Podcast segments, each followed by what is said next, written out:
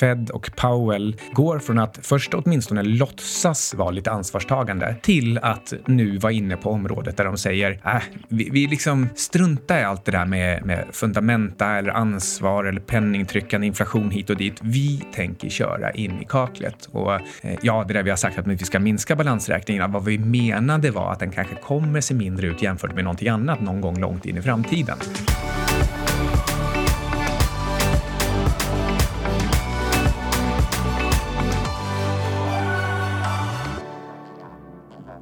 Hej, du lyssnar på Outsiders. Jag han först. Med Anna Svan och? Carl Mikael Syding, den ende. Jag har precis kommit hem från landet. Var Alexander Marton där? Nej, bara med mig i tankarna.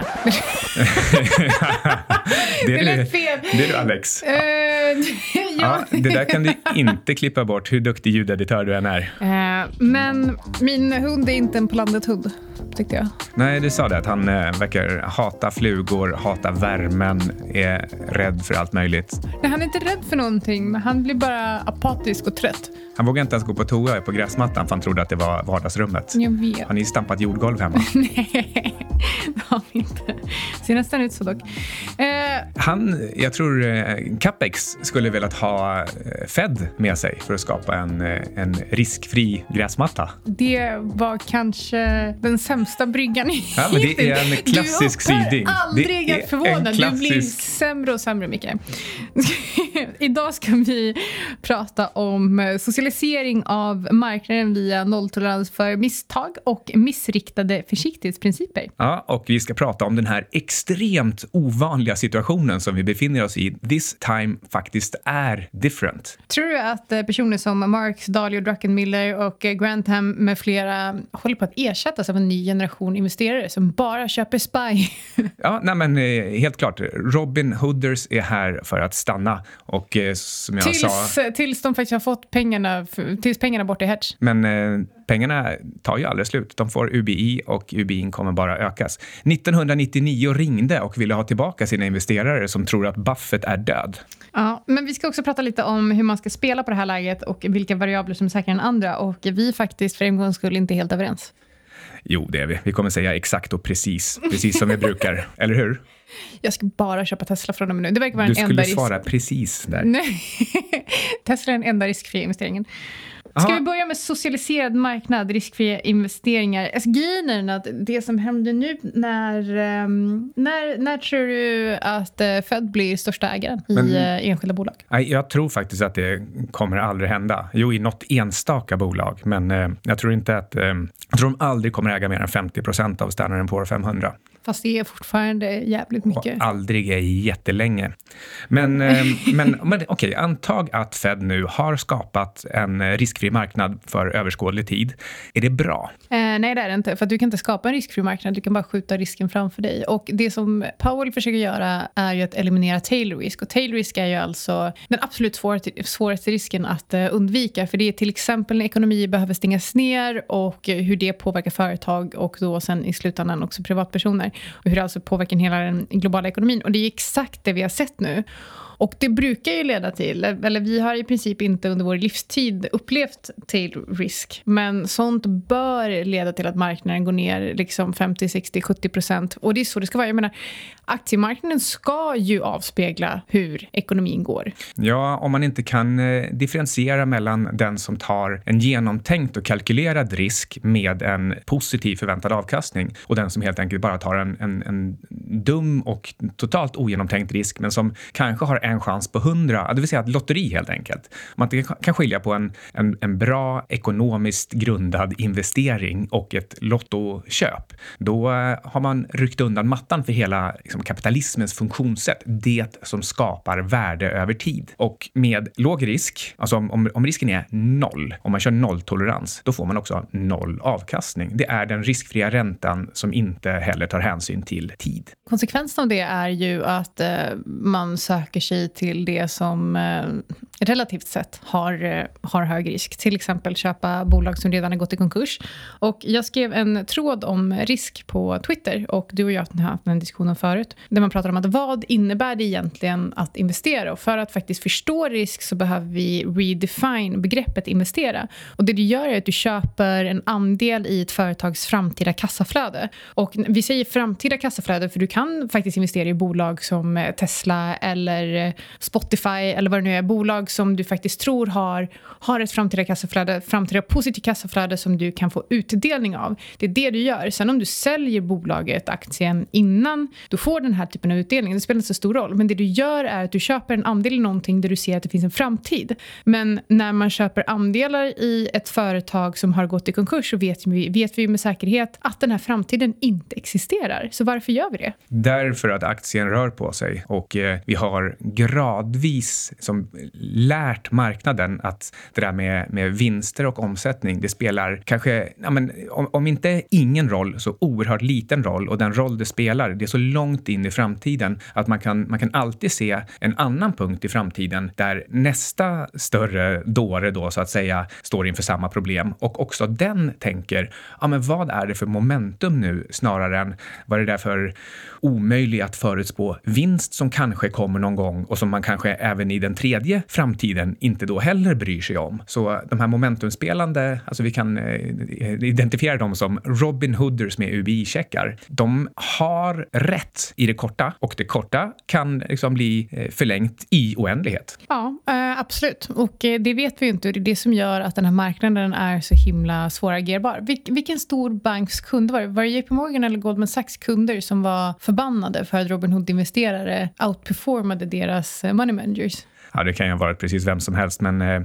Goldman Sachs ska ju vara liksom, den guldstandarden i marknaden. Det är de som vet allt, det är de som styr allt, det är de som alltid ligger ett steg före och manipulerar nästan ännu bättre än vad Fed själva gör. Så eh, just deras kunder brukar ju få lite, eh, lite luft. Precis. Men eh, så frågan är då om, om vi befinner oss i en riskfri marknad och hur vi i så fall bör parera. Men det, om, om, vi nu är, om det nu är så att vi befinner oss i en riskfri marknad så kan man välja, så har man två alternativ. Man kan antingen köpa precis vad som helst ehm, eller liksom de... Eh, tror att det skulle kunna vara så? Jag brukar ju tjata om att det inte finns ett linjärt samband mellan risk och avkastning, men nu kanske det finns det. ja, på kort sikt så gör det definitivt det. För det som, har, det som rör sig mest nu, det är det som har minst koppling till ett underliggande värde. Det vill säga risken att du förlorar nästan alltihop, den är mycket, mycket större. Så du tar, du tar jättemycket risk. Du tar antagligen därmed också ganska stor sån här eh, marknadsrisk, alltså själva volatiliteten. Så, så du kommer få se stora svängningar och en, en stor uppgång sannolikt då, så länge inte det här spelet avslöjas. Och eh, ja, då får du ju den här capital gain som är, som är större än i någonting annat. Och, och samtidigt så finns det saker som handlas på P5 med implicit avkastning på 20 till 40 procent per år, men som ingen bryr sig om för att själva aktien rör sig inte just nu. Då är det bättre att köpa Hertz eller någonting annat som är, som är i konk. Ja, det är det och eh, zombieföretag. Zombieföretag är alltså företag som har eh, högre räntekostnader än, än, än, än intäkter. Vilket innebär att eh, de eh, måste bli utbailade för att eh, faktiskt överleva. Och det blir de, eller så tar de högre lån. Ja, det här är väl den kanske bästa investeringsgrejen just nu. För de, eh... de fortsätter gå upp och sen så när de blir utbailade så sticker kursen. Ja. Fantastiskt. Och, och du vet att Fed har börjat köpa junk bonds och först via ETFen junk. Uh, what were the signs? och, och sen nu via faktiskt individuella corporate bonds, alltså som, som är junk. Fed har ju tidigare pratat om att de ska krympa eh, sitt, eh, sitt balance sheet. Men det han menade var att de inte nominellt ska göra det, utan de menar bara att när, eh, sen när värderingarna går upp igen så kommer de relativt det ha ett mindre balance sheet. Mm, alltså successivt så kommer vi in här i ett, ett skede där Fed och Powell går från att först åtminstone låtsas antas vara lite ansvarstagande till att nu vara inne på området där de säger äh, vi, vi liksom struntar i allt det där med, med fundamenta eller ansvar eller penningtryckande inflation hit och dit. Vi tänker köra in i kaklet. Och eh, ja, det där vi har sagt att vi ska minska balansräkningen, vad vi menade var att den kanske kommer se mindre ut jämfört med någonting annat någon gång långt in i framtiden. Um, och, och, det är, jag tycker ändå att det är, det är en fascinerande tid när vi har politiker som, som Trump och eh, centralbanker som Fed och eh, ja, de har helt enkelt slutat att skämmas. Och det betyder att eh, det här som började 2012 med Draghis “whatever it takes” så har eh, Powell bara adderat “for as long as it takes”. Precis. så, Ordagrant. Um, ja, um, men eh, vi kommer säkert komma fram till, eh, till det här lite senare i avsnittet och även om jag nu senaste kanske månaderna har, har börjat prata om att, att eh, ja, men jag, jag ger upp, jag gör som Hugh Henry gjorde där 2014, att liksom, nej, det här, det här ska bara upp helt enkelt. Det, det går inte att stå emot den här strömmen. Så är det ändå inte riktigt så jag tror att det kommer vara särskilt länge till.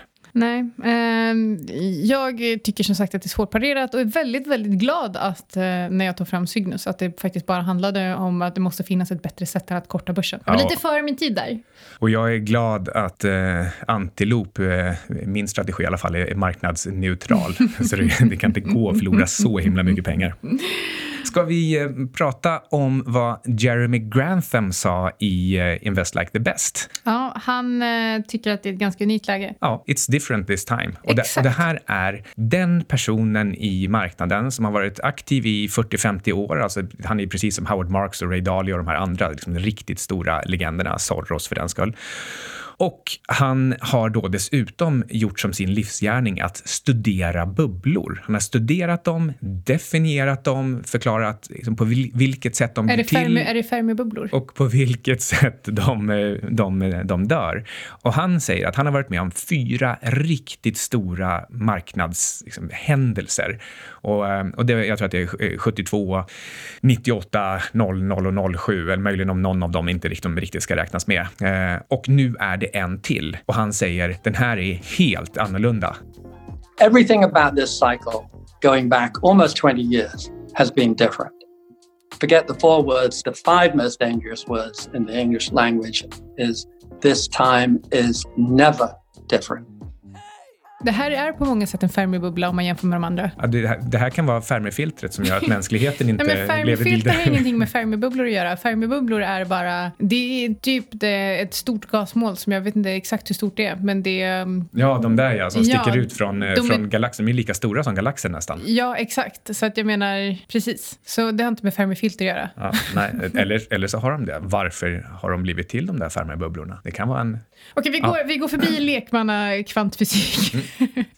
Eh, men, och, och, vi har ju liksom fler här, liksom, Howard Marks och alla de här andra, de håller ju med. De, de säger att ja, men, sluta försök göra det här till någon slags genomsnitt av ett antal olika bubblor eller försök likna dem vid en enda. Det här är helt annorlunda. Vi har liksom den största corporate debt-bördorna någonsin, de största skulderna på regeringsnivå någonsin. Vi har olja som handlas på minus 40 och, och, och en, en covid-kris som gör att man bara stängt ner hela, hela universum, inklusive de där bubblorna. Och Hennes och Mauritz redovisar minus 50 procent i försäljning. Och de handlas fortfarande på typ 140? 140 PE. um, nej, men så här, det, ja. det, kommer inte bli någon V-återhämtning. Det tror jag alla vet nu. I ekonomin, ja. ja Fast nej. nu är inte marknaden ekonomi längre. Precis. Så, att, så till och med och, Börspodden vet att det inte blir någon V-återhämtning. Problemet nej, är vid uh, mycket inflation att eh, du och jag har trott att guld är en inflationssäker tillgång, men vi, och det är det. Men eh, något som är ännu bättre att eh, köpa är tydligen S&P då.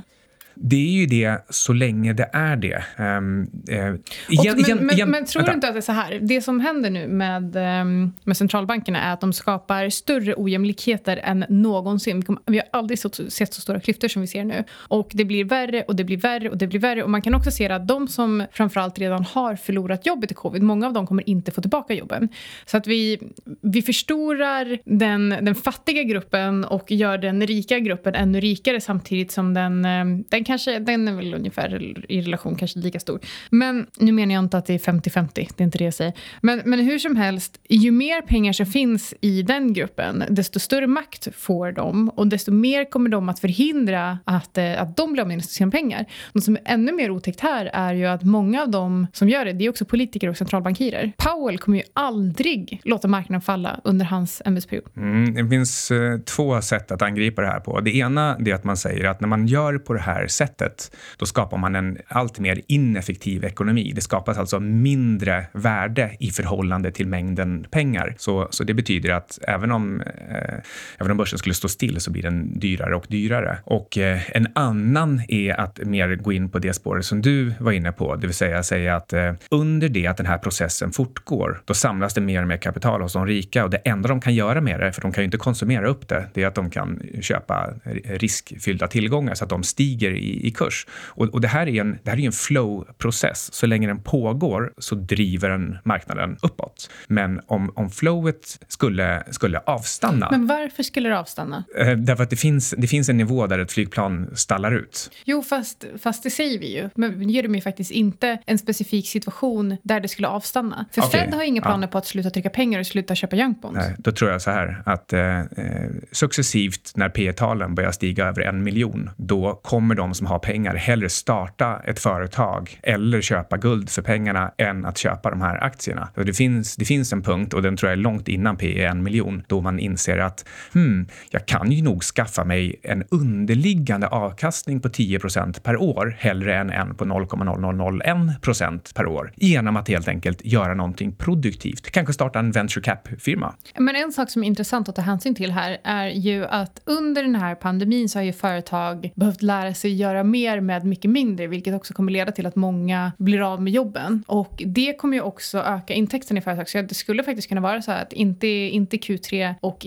nog inte i Q4 heller men kanske Q1 2021 så kanske återhämtningen ser bättre. Vinsterna kanske faktiskt är mycket högre än vad vi hade förväntat oss och sen kanske de vinsterna stiger snabbare även i framtiden. Vi kanske får en extremt positiv andra derivata här som vi inte hade räknat med. Så då kanske de initialt växer in i de här värderingarna. Inte värderingar på PE gånger 2 miljoner. Men det skulle faktiskt kunna motivera investerare att betala högre multiplar för de här företagen för att man nu tycker att shit, nu blev ju det här helt plötsligt ett tillväxtcase och därmed kan vi motivera en värdering på PE 1250 som eh, Zoom har just nu. Förstår du vad jag menar? Ja, ja jo, men jag, jag, förstår vad du menar. Och det jag här... försöker bara ställa mig på det perspektivet, ja. för att det är väldigt enkelt att känna... För jag, jag menar, jag tycker ju som du, jag tycker att det är alldeles för dyrt idag och då är det väldigt lätt att säga att ja, men det, det finns en gräns och så glömmer man av liksom någonstans att testa det andra, eh, det andra perspektivet också. Mm. Det, ehm, det jag egentligen säger är att eh, varje individ kan välja att få att handla saker på P10 om de vill, alltså genom att göra egna investeringar vid sidan av börsen eller vid saker som helt enkelt handlar på P 10 även på börsen.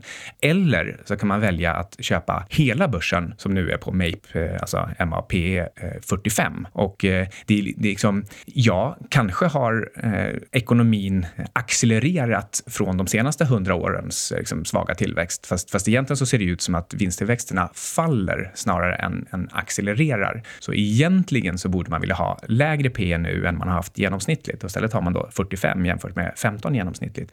Men jag förstår processen. Jag förstår att det skulle kunna ske på något sätt. Men jag är ändå eh, högst skeptisk till eh, att eh, när man snävar in ekonomin så att det bara är de rika som är med, de rika tjänar pengar och de rika konsumerar och, de, och företagen tjänar ännu mer pengar, att de gör det när man stänger ute halva ekonomin genom att de fattiga blir arbetslösa. Fast 90 procent av befolkningen investerar inte och det är fortfarande främst de rika som gör det. jag menar och, att de köper produkter. Jo, jag förstår. Men lyssna, lyssna på det här då. Um, om det nu är så att Goldman Sachs-kunder är skitförbannade för att Robin Hooders uh, eh, slår deras um, private bankers hur lång tid tror du det dröjer innan de är så trötta på att avkasta 1% när eh, resten av marknaden går upp eh, 10 och eh, innan de faktiskt tar ut pengarna och gör det själva för att de tycker att så svårt är det ju inte. Och vilket kommer få ytterligare en effekt på uppsidan. Förstår du vad jag menar? När kommer folk försöka ta högre risk själva för att man är trött på bankens tjänster? Ja, det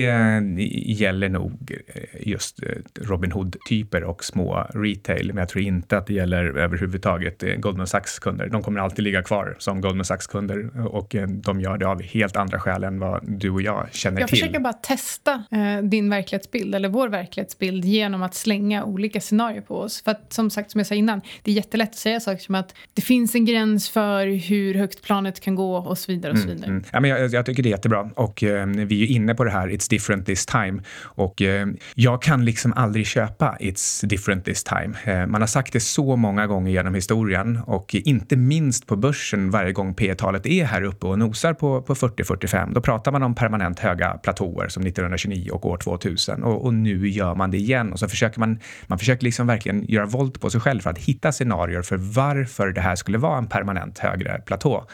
Och eh, Tänk om det blir så sjukt att det enda vi ser hyperinflation i är tillgångspriser, vilket verkligen skulle fullständigt skapa ännu större klyftor än vad ja, vi redan ser och, idag. Och, det, och, vi har ju redan sett det här. Vi har ju Venezuela och Argentina som extremt bra exempel. men, exakt... men du pratar tillgångspriser? Inte... Ja, jo, jo, men deras tillgång, har du sett deras aktiemarknader? De rusar ju rakt upp i luften. Alltså de, de, är, de är så perfekta föregångare för vad som är på väg att ske här.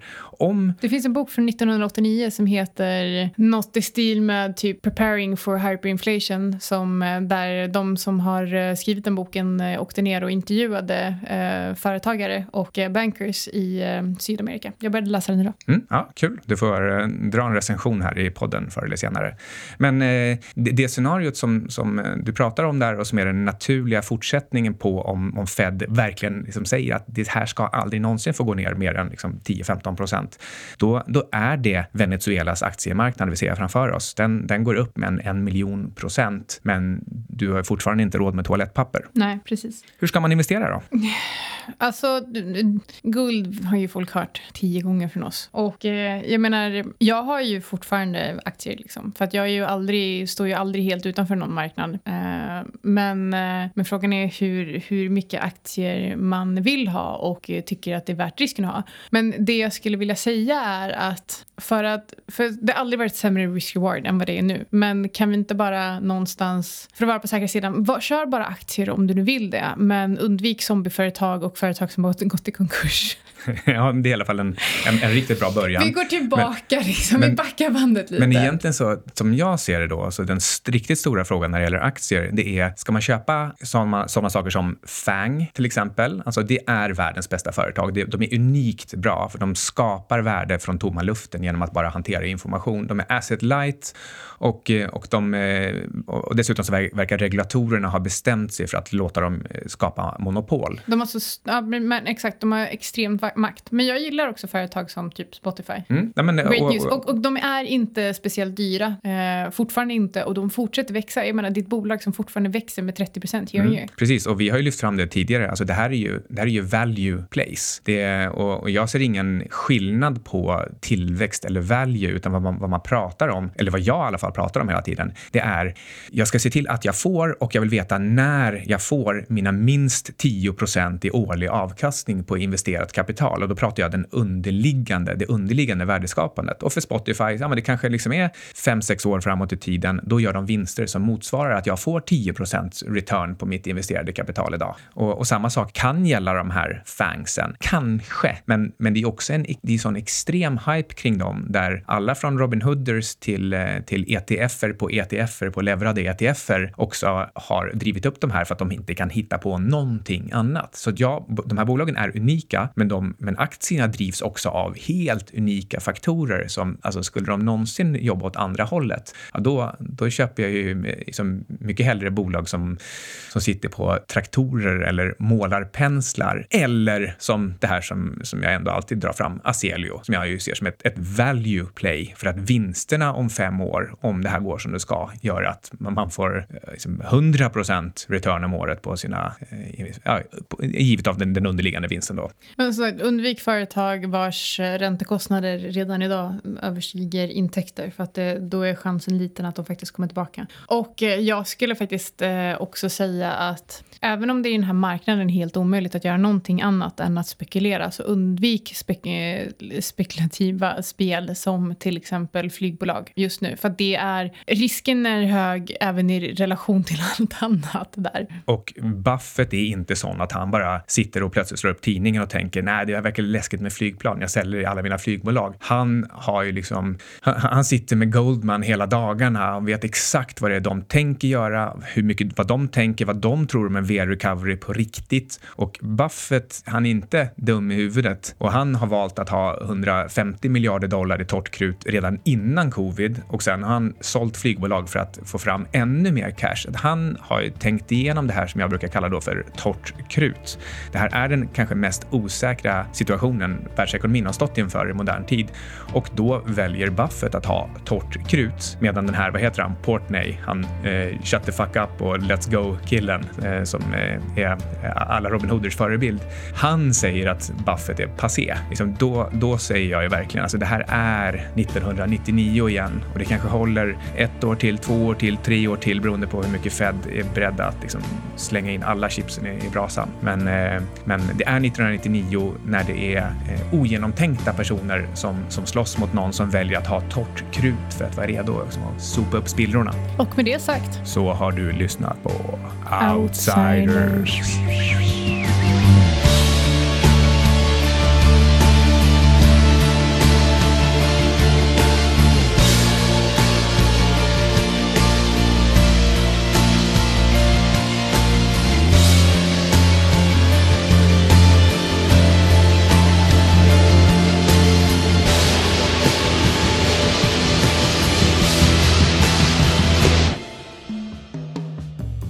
Ingenting som du har hört i uh, Outsiders har varit någon typ av uh, rekommendation. Så hur du än gör, försök inte få det till en rekommendation heller. Utan alla placeringar är förknippade med risk som gör att du kan förlora hela eller delar av ditt kapital. Vi äger emellanåt uh, vissa av tillgångarna som vi diskuterar i den här podcasten och våra sponsorer tar inget som helst ansvar för hur du handlar i de tillgångarna. Podcasten är menad för information och underhållning även om vi förstås själva gör så gott vi kan när vi tittar på de olika tillgångarna. Hej då!